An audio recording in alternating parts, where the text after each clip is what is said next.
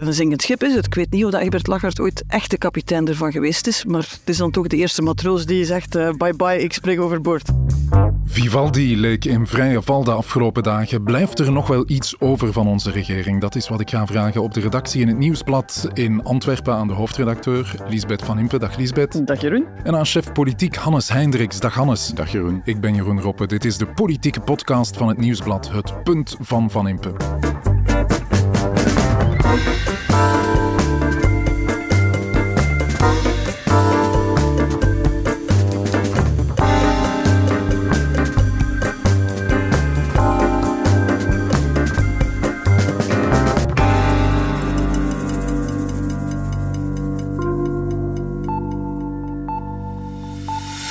Breaking news.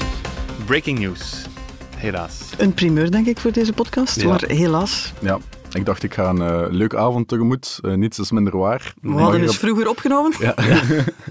De regering was gered. Daar gaan we het straks over hebben. Ja. Ja. en Jeroen Roppe is helaas al weg, dus eh, we moeten het even met mij doen. Ik ben producer Bert. Maar ja, we hebben groot nieuws. Hè.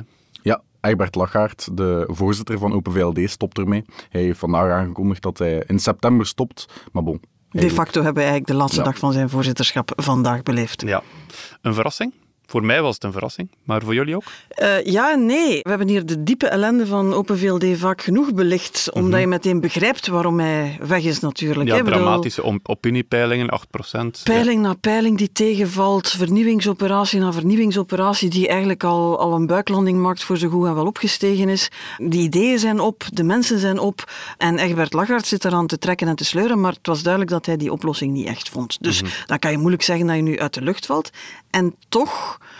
Ik heb het nog niet vaak meegemaakt. Doorgaans eh, vertrekken voorzitters omdat ze een verkiezing verloren hebben of slechte peilingen, dus dat creëert druk. Maar er is toch ook altijd iemand nodig om ze naar de uitgang te duwen. Iemand die Ja. klaar staat in de, in de coulissen, die daar staat te trappelen en die zo het laatste duwtje geeft. Er was geen interne druk binnen de partij om, om hem... Er waren geen fans, maar er waren, het is ook, Ja.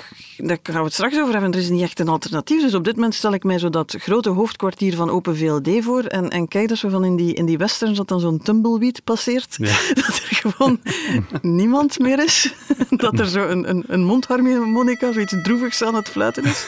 Dat is wat ik er mij op dit moment bij voorstel. Ja, oké, een beetje triest. Hannes, eh, jij hebt hem gehoord daarnet. Wat was de reden van Lachaert voor het ontslag? Wel, hij zegt eigenlijk dat hij eh, veel gelukkiger gaat zijn in het parlement. Ik denk dat dat Ik misschien... denk dat dat wel zou ja, kunnen kloppen. Ja, dat dat de essentie is.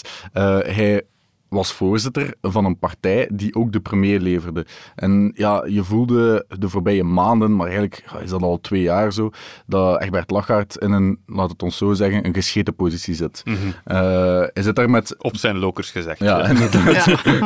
Met premier Alexander de Croo, die een centrum-linkse coalitie moet leiden, eh, daar het gezicht van is. En dan Egbert Lachaert, die eigenlijk als voorzitter van Open VLD verkozen is, met een donkerblauw, liberaal eh, verhaal. Ja. dat is belastingen verlagen. Dat, is, ja, dat was toen nog tegen kerncentrales, en Yep. voor meer Vlaan, autonomie Meer voor Vlaanderen, tegen Ja, herfederaliseren. We moeten even nadenken daarover, want Tegen hij is een aantal keer... eh, Tegen coalities veranderd. zonder de NVA, eh, Ja. eh, eh, tegen coalities met eh, de, de PS en, en, en dus Ja, wat eigenlijk vandaag Vivaldi is. uitgekomen. Ja. Ja. Dat is allemaal niet gelukt en dat verhaal hebben ze eigenlijk nooit meer echt goed gekregen. En dat zie je dus ook aan die peilingen. Hè. En Ja. dan, dan, ja, je kan dat ook niet oplossen, hè, want Nee. dat is wel de regering waarin ze zitten. En wat Ja. er de voorbije twee jaar dan eigenlijk gebeurd is, is dat Lachaert wel probeerde om een nieuw liberaal verhaal in de markt te zetten, zijn operatie Liberaal Vuur. Maar bon, dat haalde allemaal niks uit eigenlijk, hè, omdat, omdat je met premier De Croo bleef zitten, die met de PS een deal moet sluiten, die met Ja. Ecolo een deal moet sluiten. Dus ja, eender wat eh, Egbert Lachaert deed, het sloeg eigenlijk nergens op. En Ja. hij, hij besefte dat ook zelf. Hij zegt nu letterlijk, ik ga gelukkiger zijn in het parlement, ik kan daar terug met arbeidsmarkt eh, bezig zijn, ik ga mij daar nuttiger kunnen maken. En je voelt natuurlijk, ja, de echte chef van de partij was toch heel vaak, of degene die toch ja, gezichtsbepalend is, is, is, is Alexander de Croo. Ehm, Die eh, grotendeels zijn eigen goesting doet en een regering te leiden heeft. En je voelt ook de relatie tussen die twee, die is ooit veel en veel beter geweest. Ja, want Dus- weten we wat de Croo van dit ontslag vindt? Van deze move van Lagarde vindt? Eh, eigenlijk nog niet. Hij heeft officieel nog niet, nog niet gereageerd. Maar bon, het is zoals Lisbeth zegt, de relatie tussen beiden was wel aan het verslechteren eigenlijk. Je moet weten, twee jaar geleden waren de twee echt goede vrienden. Dat was een tandem. was een tandem, Ja, hè, ja, ja. tegen Tommelijn en tegen al de Ja. anderen en tegen Gwendoline Rutten. En, Ja. en, ja. Maar net door de verschillende rollen, de verschillende posities waarin dat ze zaten, ja, kregen ze steeds meer discussies eigenlijk. Alexander de Croo kwam dan bijvoorbeeld niet naar de partijbureaus. Omgekeerd, ja, Egbert Lachaert had dan moeite om sommige beslissingen van de regering te verdedigen. Je moet ook weten, Georges-Louis Boucher valt Ja. zowat elke beslissing aan hè, van Ja. de regering. Eh, dus Lachaert ja, zat daar tussen die twee posities eigenlijk wat... Ja, je kan. Egbert Lachaert is een aimabel, beminnelijk man. Dat is, Mhm. dat, is, dat, is een, dat, is, dat is iemand die met twee woorden spreekt. Maar in heel zijn mededeling voel je wel een beetje van... Ja, jongens, eh, beste premier, los het zelf op. Hè. Ik bedoel... Ja. Ja. Allee, ik, ik kan het niet anders doen dan het zo lezen van... Jongens, eh Gulle, Ja. zult dat, dat wel beter weten hoe dat Ja. het moet doen.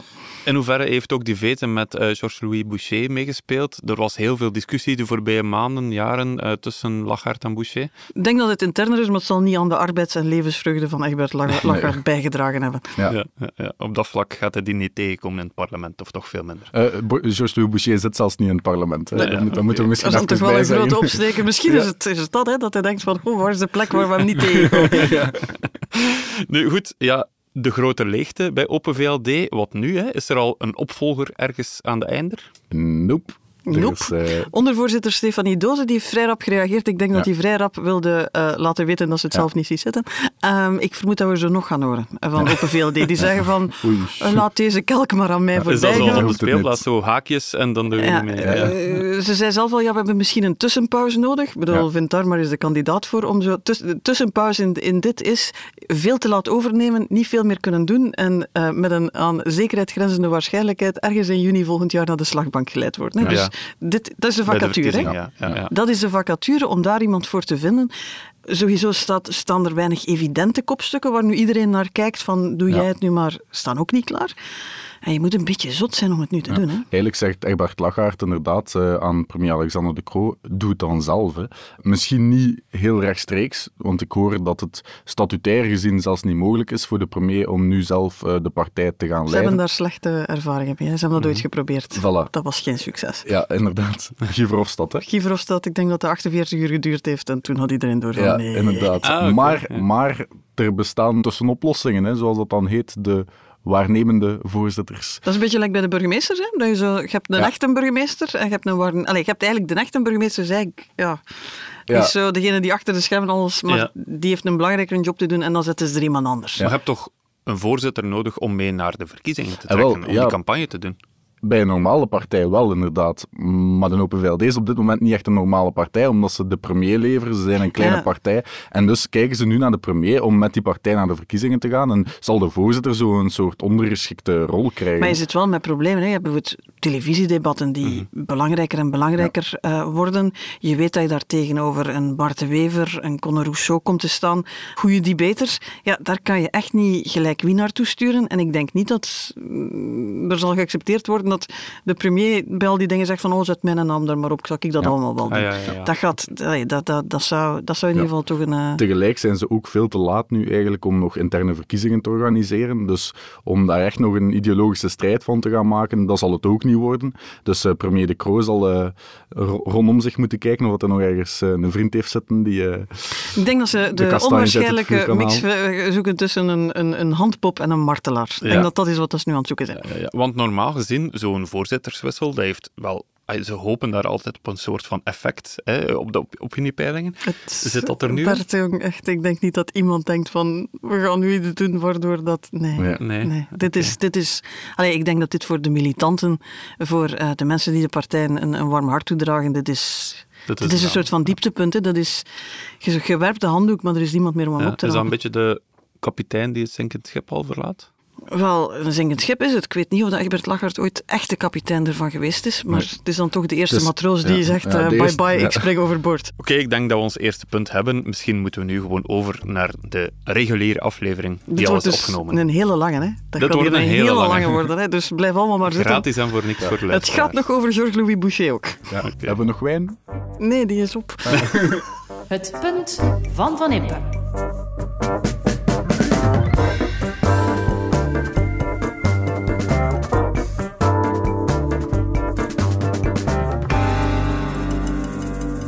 Ziet het, normaal breng ik uh, altijd een fles wijn mee, maar nu heb ik ook een boek meegebracht. Een dik Ja? geel boek. Dat moet de nieuwe Goemio zijn. Helemaal gewijd aan Belgische wijn. De Franse restaurantgids, Goemio, die heeft uh, een speciale Belgische wijneditie. En ik kan je geruststellen... Hoeveel ervan hebben we al gedronken? Voilà. Ik wou je net uh, geruststellen, Elisabeth, want zo goed als alle wijnen die in de prijzen zijn gevallen, die hebben we hier al gedronken. Ook deze is Bon Baron. Dat is geen goed nieuws, Jeroen. Dan moeten we stoppen met deze podcast. Ja, maar er zijn er nog, er zijn er nog heel wat, denk ik, eh, te ontdekken. Dit is een van de rode wijnen, een van de drie rode wijnen die een award hebben gekregen in de nieuwe Goemio. En daarom heb ik hem nog eens meegebracht. Een heerlijk zijdezachte Chateau Bon Baron uit Dinant, provincie Namen. School.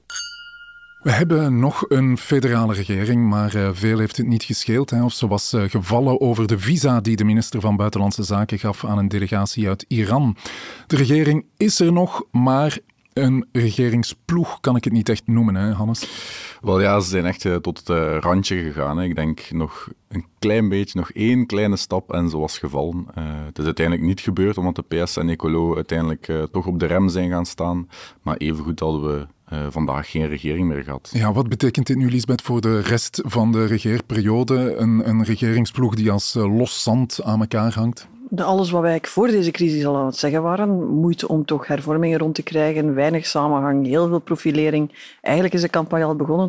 Dat dat nu allemaal in het kwadraat geldt natuurlijk. Betekent dat ook dat we nog meer van dit soort affaires, zoals de affaire Labib van de afgelopen weken, eh, gaan meemaken de komende maanden? Wel ja, eigenlijk had je bij de affaire Labib al sterk het gevoel, eh, waar gaat het inhoudelijk nog over? Hè? Eh, ging het nog over de burgemeester van Teheran of was het gewoon elkaar kapot proberen maken? Eh, het was op het einde gewoon dat laatste.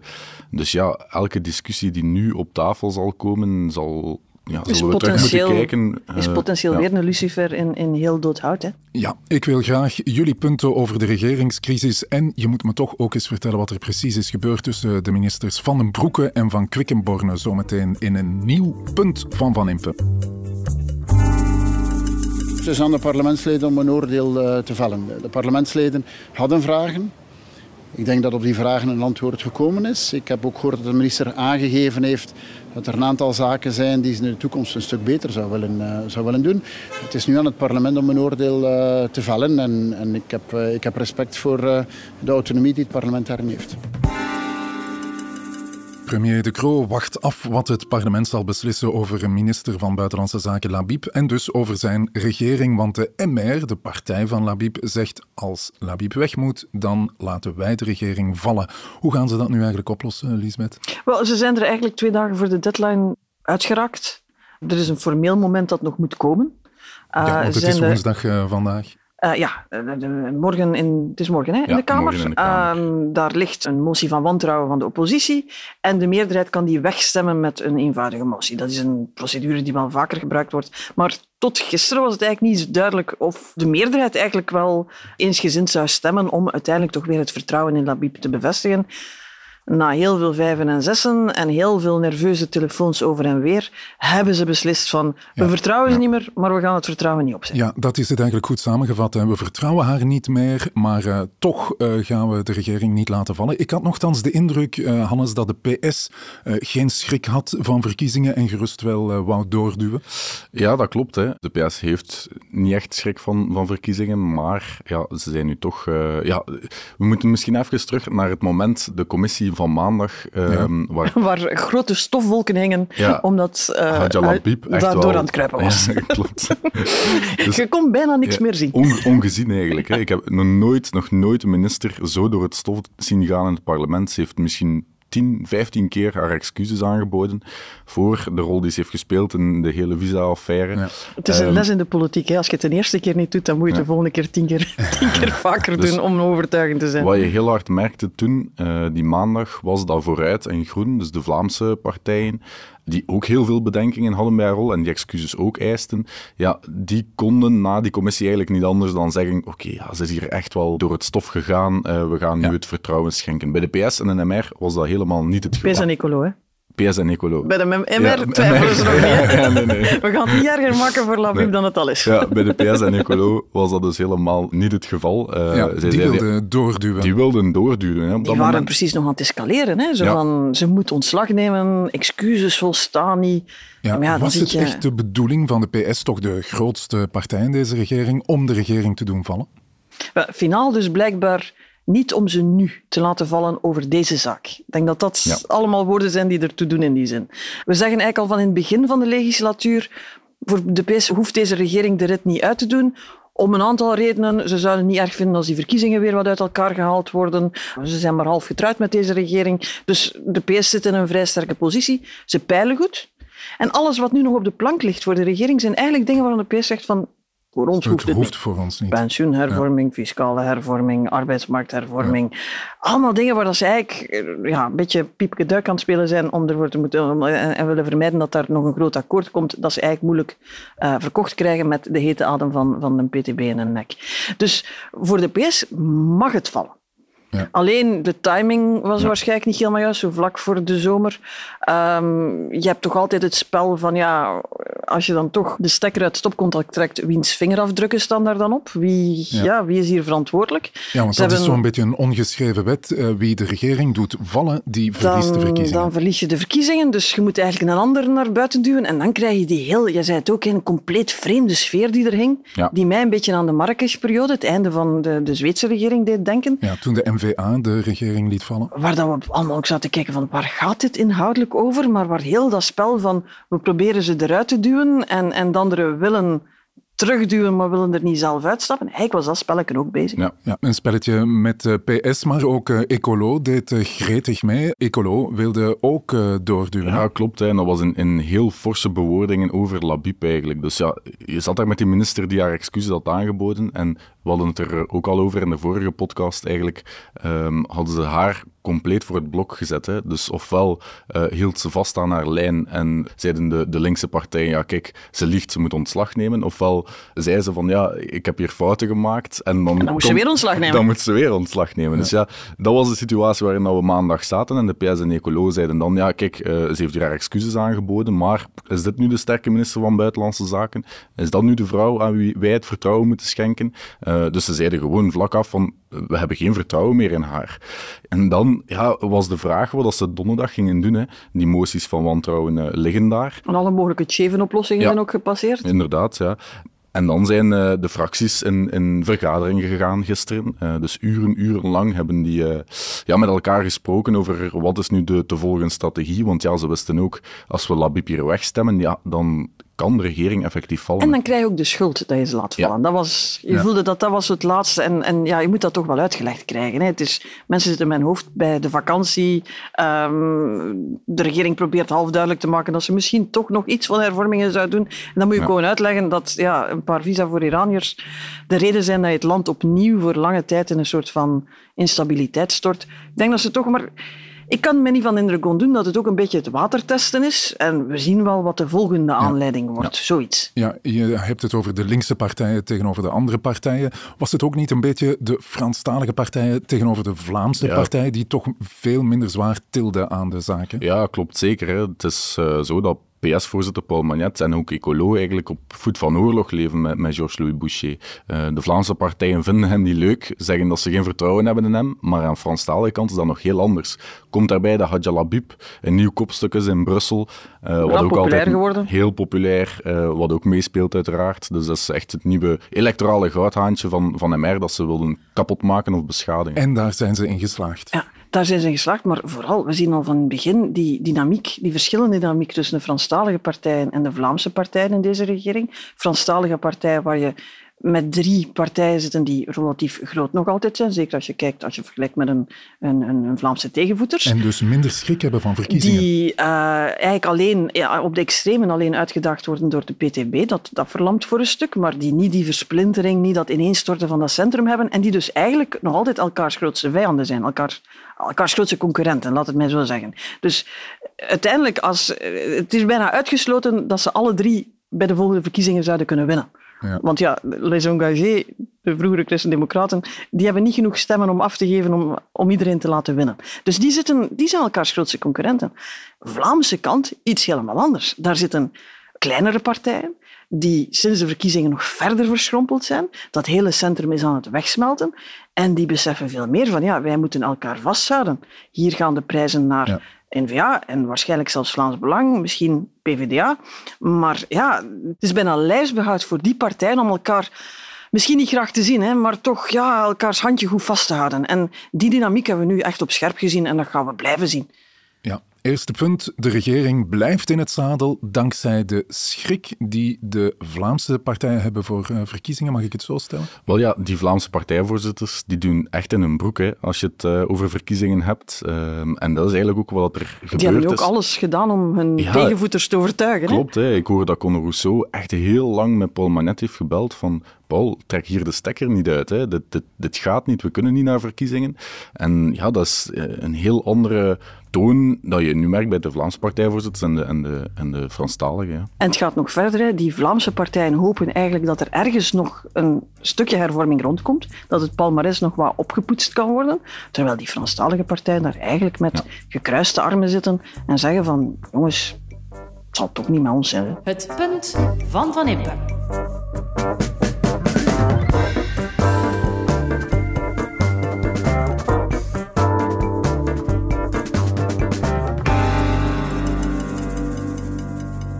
Als je meer wil weten over beleggen, kan je dat vragen aan de voetbaltrainer van je zoon. Je moet op de beurs spelen zoals op het veld. Hè? Direct vol in de aanval. Mijn tactiek, dat is een 4-4-3. Vier aandelen, vier obligaties en drie kasbons. En wie niet presteert, ja, die wordt direct gewisseld. Hè? Ah ja. Je kan er dus maar beter over praten met de experten van KBC. Via Kate en KBC Mobile, via KBC Live of gewoon op kantoor.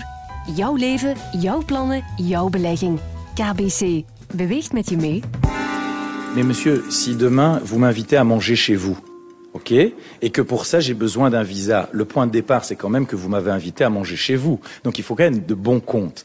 La première étape c'est l'invitation. Quand l'invitation est lancée, il est diplomatiquement et politiquement très difficile, pour pas dire impossible, de refuser. Pourquoi? Parce qu'un gouvernement belge a envoyé une invitation et derrière un autre gouvernement belge devrait fermer la porte. Ça n'est pas très crédible sur le plan diplomatique. Georges-Louis Boucher is voorzitter van de MR, de Franstalige Liberalen, en hij neemt het op voor eh, minister Labib. We kennen Boucher als een vurige, passionele pleitbezorger van eh, zijn ideologie. Hè? Iemand met eh, heel veel Van, charisma van, van ook. zichzelf.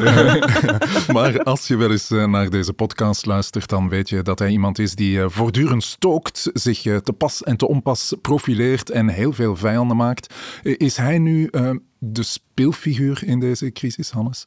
Ik denk het wel, ja. Misschien niet de rechtstreeks. Het is niet dat hij nu iets gedaan heeft waardoor de regering bijna kon vallen. Maar het is wel zo dat door het parcours dat hij de voorbije jaren heeft gelopen eigenlijk, hij de andere partijen, en met name dan PS en Ecolo vooral, zo kwaad heeft gemaakt dat ze hem eigenlijk had eruit willen duwen. Of Ja. eigenlijk wilden ze gewoon van Georges-Louis Boucher af. Daar We komt het gaan hem eens een koekje van eigen deeg geven. Is het dat wat ze gedacht en- en hebben? het- het- L'arroseur arrosé? Ja, dat is, en dat is strategisch natuurlijk. Van als hij naar beneden gaat, dan winnen wij. Maar je voelt, het is, het is ook persoonlijk. Hè? Eh, het, het is echt de man die op een, een, een systeem werkt. Als als Petra de Zutter, die een soort van geloofspunt van gemaakt heeft, dat uiteindelijk altijd iedereen toch weer moet overeenkomen, zegt van deze coalitie heeft maar één spookrijder. En dat is Boucher. Ja, naar groene normen zijn dat bijna een, een op, opeenstapeling van scheldwoorden en harde beschuldigingen. Hè? Dat is de enige Dus- die niet mag meedoen aan een kumbaya rond het kampvuur. Nee, mag echt niet meedoen. En dus de rekening stond open en plots was er een gouden Ja. kans om hem te doen afzien, hè, om, hem, ja, om hem zeer te doen. En ze hebben En- die gegrepen. Dat zal hij wel eh, gevoeld hebben. Eh, heb jij hem nog eh, gesproken? Ja, ik heb hem, eh, hem eh, zondag heb Ja. ik hem nog eh, aan, de, aan de lijn gehad. Eh, dat ging eigenlijk over een ander incident. Niet de val van de regering, maar een incident in Knokken. Ja, Ehm, ik Want, je de ja, ik heb de video gezien hè, Ja. over dat incident op de lippenslaan. Was het, wat was daar precies gebeurd? Wel, hij was daar met zijn vriendin op een kruispunt. Ik, ja, u kon niet helemaal zien wat er gebeurd was, maar het was alleszins een hevige discussie met een, een groepje fietsers. Een hevige discussie, dan druk ik mij zacht uit, want de fietser uh, gaf Georges-Louis Boucher een duw. Hij heeft niet teruggeduwd. Uh, heeft nogthans een, een opleiding genoten uh, bij de Special Forces. Dus ik dacht, ja, maar daar was hij niet zo goed in. Dat, ja, ah, ja, nee, hij smeet dus, zich niet echt. Ja, juist. um, maar zijn vriendin is, heeft zijn vriendin was iets een beetje... Ja, ja, die riep uh, Sal Flamand naar Vuile Vlaming. Vuile Vlamingen naar het groepje fietsers. Dus Georges-Louis Boucher kreeg dat op zijn boterham. Hij is natuurlijk Belgicist. vier, dus... vier jaar bezig met een charme-offensief in Vlaanderen. en dan gaat het op één zomerse dag in knokken helemaal fout. Ik dat Jong N-VA nu ook al t-shirts heeft met daarop Sal Flamand. We hebben een nieuwe geuze uitdrukking. Maar je voelt gewoon, het, het, het komt van alle kanten. Hè. Dus het is al een tijdje dat je voelt, um, de man gaat met hetzelfde zelfvertrouwen door. Maar ja, dat soort incident, dan uh, alle kritiek die hij gekregen heeft op die, die special forces, we hebben het er hier in de podcast over gehad. Ja, als je in de staat van genade zit, dan, dan kom je daarmee weg. Als de ergernissen zich beginnen op te stapelen, dan... ja, dan begint zich dat tegen zich te keren en wordt dan een soort van narratief. En ik begrijp dat toen je van de lijn had over het incident in Knokke, dat hij even zijn cool verloor. Ja, ik dacht ik ga hem gewoon bellen om te vragen wat daar uh, aan, de, aan de hand was. En uh, ja, hij was, uh, nog, hij was een beetje kwaad op mij en op de Vlaamse pers in het algemeen. Ja, hij vindt dat hij geviseerd wordt, dat ja. iedereen altijd schrijft dat... Dat we voor de PS rijden. Dat we voor de PS rijden. Dat, Kop van Jut. Ja, ja dat... dat jij bommen aan het leggen bent onder het democratisch bestel? Ja, ja, ik was een dat mag niet, hè? dat is hier afgesproken, dat mag niet. Aan het creëren. Hij zei, ja, omdat ik, ik had in een stuk ergens geschreven, ik weet al niet meer welk stuk eigenlijk, maar dat hij uh, mede verantwoordelijk was voor de opmars van het Vlaams Belang hier bij ons. Omdat dat ja, in, in Franstalig België, die partijvoorzitters die elkaar te pas en te onpas aanvallen in de media, akkoorden bemoeilijken, ja. ja. dat schept een beeld van de federale regering die volledig stilstaat. Ja. En, dat had hij duidelijk gezien. Dat had hij duidelijk gezien. Uh, en hij vond dat dat dus onze verantwoordelijkheid was als pers dat wij die democratische bom aan het creëren zijn en niet van Georges-Louis Boucher. Ja, Lisbeth uh, Bart de Wever, de burgemeester van Antwerpen en voorzitter van NVA, die heeft altijd gezegd, die Boucher valt geen land te bezeilen. Krijgt hij nu gelijk? Ik denk dat heel veel mensen dat intussen al een paar keer verzucht hebben. We weten ook, het is al heel lang met, met, met Alexander Kroo. We hebben het hier denk ik een jaar, twee jaar geleden in de, in de podcast over gehad. Toen Egbert Lachaert zo'n tour door Vlaanderen moest maken voor ik weet niet meer juist hoeveel jaar liberalisme. En dat hij ongeveer halfweg de eerste aflevering, de eerste bezoek met Boucher, al lang spijt had van het hele concept en waarschijnlijk aan het checken was van hoeveel moet ik hier nog doen. Ja, hij heeft zijn, zijn krediet verspeeld op heel veel plekken. Dus ook aan Vlaamse kant schieten er eigenlijk nauwelijks ja. gesprekspartners over. Ook Alexander de Croo, die, die zegt dat wel niet, maar die, kan, die lacht daar niet mee, van dat hij ook zelf te kijken wordt gezet, uh, terwijl hij eigenlijk probeert Labib te redden. Dus hij heeft bijna geen partners meer. En Waar de rest op hoopt eigenlijk, is dat de partij die dat natuurlijk ziet, zich zorgen begint te maken richting 24, waar op alle niveaus moeten coalitiegesprekken gevoerd worden en waar je wel voelt van, ja, wie gaat daar met Boucher aan tafel gaan zitten? Of, altijd de grote schrik van de liberalen, ontstaat er een soort van front in Franstalig België, waar ze eigenlijk zeggen van jongens, we gaan die overal buiten bonjouren, we smijten die buiten. Misschien, Hannes, had uh, Bart de Wever uh, Boucher door, omdat ze in hetzelfde bedje ziek zijn. Het is iemand die meer vijanden dan vrienden maakt. Is dat zijn probleem? Uh, dat denk ik wel, eerlijk gezegd. Ja. Uh, van Bart de Wever wordt ook altijd gezegd dat hij anderen zomaar schoffeert, uh, ook coalitiepartners bijvoorbeeld. Ja, je ziet hetzelfde bij Georges-Louis Boucher. Dat is iemand die zich niets aantrekt van één gemaakte akkoorden bijvoorbeeld. Hij kraakt die altijd af op sociale media. En twee, ja, hij, hij, slaagt er ook niet in om een draagvlak te creëren rond dingen die hij dan wel wil verwezenlijken. Ik herinner mij een interview met, met Vincent van Quickenborne, dus ja, iemand van de Open VLD, een liberaal. Zou waar, een bondgenoot moeten zijn? Ja, waarin Van Quickenborne zegt, ja, sorry, maar met, met Boucher en de mer van Boucher kan ik niet samenwerken, omdat die één, gewoon lobbyen voor bepaalde doelgroepen, uh, die Boucher dan als zijn vrienden aanschouwt, zij het de notarissen, zij het de, de voorzitter van, van een of andere ja. voetbalclub, om... Uh, ja. Om, om te verhinderen dat die voetbalclubs uh, geld moeten inleveren, bijvoorbeeld. Ja. En Vincent van Quickenborne komt zelf tot de conclusie, ja, Georges-Louis Boucher is eigenlijk meer een conservatief dan een liberaal. Ja. Dus ja, als hij dat al zegt. Boucher en de Wever zijn eigenlijk altijd een beetje basketters die proberen mee te doen aan een voetbalmatch. Um, het zijn politici wiens stijl perfect zou passen in meerderheidssystemen. Waarbij dat je de overkant zo hard mogelijk probeert plat te kloppen, in de hoop dat je de grootste bent. En als je de grootste bent, dan kan je alleen je zin doen. Je hoeft die bruggen niet te bouwen, je hoeft die contacten niet uit te bouwen, je hoeft niet te investeren in die relaties. Nu, wij zijn dus het omgekeerde als land natuurlijk. Ik bedoel, ieder coalitiesysteem eh, maakt dat al onmogelijk dat je op die manier aan politiek doet. Ons coalitiesysteem met een optelsom van regeringen en meerderheden en, en, en, taalgroepen en noem maar op, maakt dat helemaal onmogelijk. Dus ja, Boucher is daar ook tegen de grenzen aan aan het lopen. Hij moet hopen dat zijn uitslag in 24 dusdanig is dat hem incontournabel is, want anders zie ik gebeuren wat al is gebeurd is. Hè.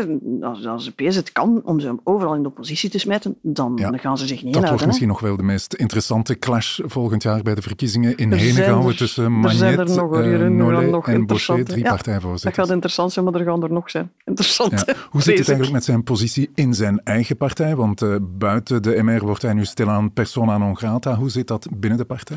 Wel, dat is eigenlijk iets waarop dat de PS en Ecolo ook in de hele discussie rond Labib een beetje gehoopt hadden um, dat er binnen een MR een soort coup zou gebeuren, waarbij ja, misnoede MR-parlementsleden bijvoorbeeld zeggen van ja, Georges Louis, dit kan echt niet meer, je moet hier een stap opzij zetten. Nu goed, ik denk dat dat een beetje wishful thinking was, maar je voelt wel dat er de voorbije jaren binnen een MR wel een aantal dingen zijn gebeurd om ja, Boucher te proberen weg te krijgen of hem alleszins wat aan banden te leggen. Je had daar die, die uh, raad der wijzen die ooit in het leven is... Die vervolgens straal genegeerd heeft. Die hij straal genegeerd heeft.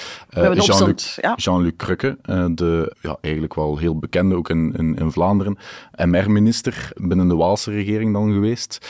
Die is uiteindelijk opgestapt uit ongenoegen met, uh, met Georges-Louis Boucher, die hij zelfs de Trump van België noemde. Dus, ja. Oh. Maar je voelt wel, er zijn niet zoveel mensen die ook binnen de partij ook uh, sterk genoeg zijn. Om, ik denk dat Sophie Wilmis ongeveer de enige is, en hij is ook zeer gevoelig, iedere keer gesuggereerd wordt dat Sophie Wilmis misschien uh, populairder zou zijn, zeker bij de eigen achterban dan hij zelf, dan, uh, dan, dan is het ego pas echt gekrenkt. Je zag ook nu weer hè, Sophie Wilmis die heel nadrukkelijk mee in de arena stapt om, om, om Labib te steunen.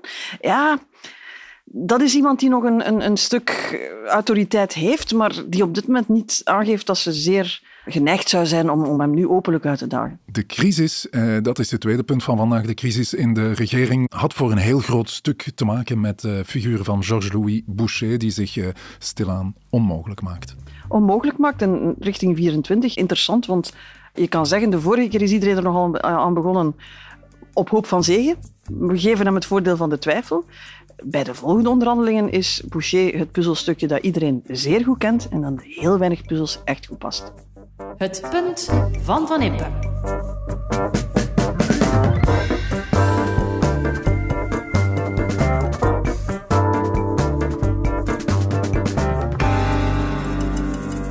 Zandrover. We hebben elkaar een keer goed vastgepakt. En uh, wat er gebeurd is, is er gebeurd. En uh, volwassen mensen laten dat achter zich. Ik apprecieer Frank van den Broeke echt waar. Dat is een goede collega. Ik meen dat ook. Sterkhouder in deze regering. En soms gebeuren er dingen. En dan moet je die bladzijde kunnen omslaan. Want dan ik je goed vastgepakt daarnet, letterlijk. Dat is goed, zo gaan we terug vooruit. Minister Vincent van Quickenborne over het incident met Frank van den Broeke tijdens uh, een meeting van het kernkabinet. Wat is daar nu exact gebeurd? Jij die alles weet, Hannes. Hey, geven ze veel verschillende gradaties van alle beschrijvingen die we gehoord ja, hebben. Ja, dus uh, Vincent van Quickenborne zegt nu dat hij hem vastgepakt heeft. Dat was op, dus op een liefdevolle manier achteraf. Ik hoor dat ze dus vorige week uh, woensdag elkaar Frank van den Boek heeft al sinds Vincent van Quickenborne ook letterlijk vastgepakt, ja, maar dan maar op een niet zo vriendelijke manier. Minister van Quickenborne die wou de vergadering verlaten ja. en toen hield minister Van den Broeke hem tegen. Ja, inderdaad. De discussie ging eigenlijk over Hadja Labib en of er uh, steun zou verleend worden aan, aan haar. Dus de vraag lag dan bij Frank van den Broek eigenlijk, wat ga jij doen? En ja, dat is eigenlijk een beetje onderbelicht gebleven, maar toch ook een raar aspect aan die, aan die hele kwestie, is dat Frank van den Broeke uh, die steun voor Hadja Labib koppelde aan zijn eigen dossier over de ereloonsupplementen ja. voor radiologen. Dus een inhoudelijk dossier. Frank Ik ga ervan uit, dacht... jong, we gaan nog, wat, wat Hadja Labib iedereen gekost heeft, ja. dat gaan we pas later weten. Maar in het geval van Frank van den Broeke waren het de radiologen. Het was, het was redelijk opportunistisch. Um, ja, en de liberalen die zijn eigenlijk een beetje tegen uh, die knip op de ereloonsupplementen. Dus uh, premier De Croo had gezegd, ja, uh, sorry Frank, maar we gaan daar vandaag niet over spreken. Je mag dat bespreken, maar dat is dan op de reguliere ministerraad van vrijdag. En eh, ja, Frank was er dus helemaal niet mee akkoord. Vincent van Quickenborne uh, wou de zaal verlaten. En uh, Van den Broek heeft hem tegengehouden, fysiek. Mogen we dat een handgemeen noemen, uh, Lisbeth? Je mag dat een handgemeen noemen. Zoals ik begrijp was dat het lichaamsdeel dat ja. geïmpliceerd was. Houtgreep schijnt wat overdreven geweest te zijn. Ja. Dus, um, maar ja, goed, het is hoogoplopende emoties. En dan heb je twee dingen. Hè. Eén, dat die emoties zo hoog oplopen. Dat is probleem één. Twee, dat dat vervolgens niet binnen kamers blijft. Dus op een moment wordt dat gelekt, dan begint de premier daar commentaar op te geven. We hebben Vincent van Quickenborne gehoord. Ze zijn het allemaal achter zich aan het laten, maar ze hebben daar wel wat uh, seconden zendtijd voor nodig om die stap te zetten, om het achter te laten. En je had wel het gevoel van, je hebt het feit op zich, wat al geen goed teken is over de cohesie en hoe, hoe dat ze daar met elkaar omgaan. En vervolgens wordt het ook nog eens gebruikt, omdat ja. het voor 16 uur de aandacht afleidt van het feit dat die regering op wankelen staat. En dan ben je natuurlijk ja, dan ben je bijna desperate bezig hè, om ja, naar dingen te wijzen en te zeggen van kan iedereen alsjeblieft even hiermee bezig zijn, ja. dan, dan kunnen we intussen verzinnen wat het volgende is waarmee we de aandacht gaan afleiden. Nu goed, het is ook wel ongezien natuurlijk dat twee ministers elkaar fysiek aanraken. Um, allee, op die manier. Ik ga daarvan uh, uit. Ja. Ik ga daarvan uit. Ja, Ja. Ik weet niet hoe, of We uh, weten jij, dat niet, hè? jij dit Heb op je de het ooit redactie... meegemaakt? Ja. Heb je je het ooit meegemaakt, bedoel ik, Nee, in nee, de nee. Ik, ik zag een aantal oudere um, mensen die in de buurt van de politiek zitten, dat dat vroeger misschien Ja. nog gebeurde, maar ik moet zeggen, ik ken daar geen verhalen over. Ja, we Dus- weten hier, als het over uh, minister Van den Broeke gaat, dat hij nogal drammerig uh, kan zijn. We hebben Ja. al eens het uh, woord schoolmeester uh, gebruikt. Professor. Maar nu Doorgaans geven we hem wel de graad professor. Ja, maar nu las ik uh, in uh, het nieuwsblad het woord karaktergestoord. Ja, ja, maar daar moet wel bij zeggen dat dat van bepaalde bronnen uh, komt. Die op dat moment net- er baat bij hadden Die op dat het- moment er baat bij hadden. Dus uh, dat is alleszins niet onze omschrijving. Uh, heel belangrijk om dat erbij te zeggen. Maar het uh, is inderdaad wel sprekend voor, voor de sfeer op dat moment aan tafel, die helemaal niet goed was. En pas op, er zijn vroeger in, in eerdere regeringen momenten geweest waarin Frank van den Broeke wel de pijngrens van zijn uh, toehoorders bereikt had. Hè. Dat is niet de eerste keer. Ja, maar goed, het uh, incident, en dat is dan ons uh, laatste punt, toont aan dat er uh, volop gelekt wordt, dat uh, niemand uh, elkaar nog vertrouwt. Hè.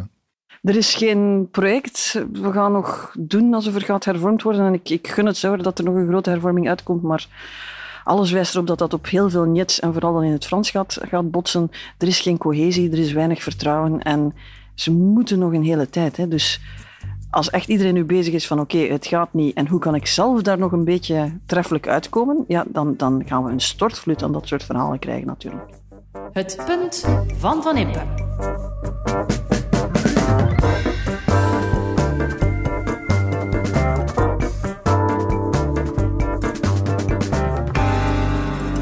Drie punten met een heel goed glas uh, Chateau Bon Baron erbij. Het uh, verwondert me niet dat dit echt op de kaart staat van heel wat toprestaurants. hè. Ik heb de dame die uh, aan het hoofd staat van dit domein ontmoet. Het is een Nederlandse dame, Jeannette van der Steen heet ze. En uh, zij is hier 22 jaar geleden mee begonnen met dat domein in de Maasvallei. Begonnen met een B&B, maar ik heb begrepen dat ze dat redelijk snel hebben laten vallen om alles op de wijn te zetten. Maar goed. Dan heb jij een moeilijke opdracht tegen hun.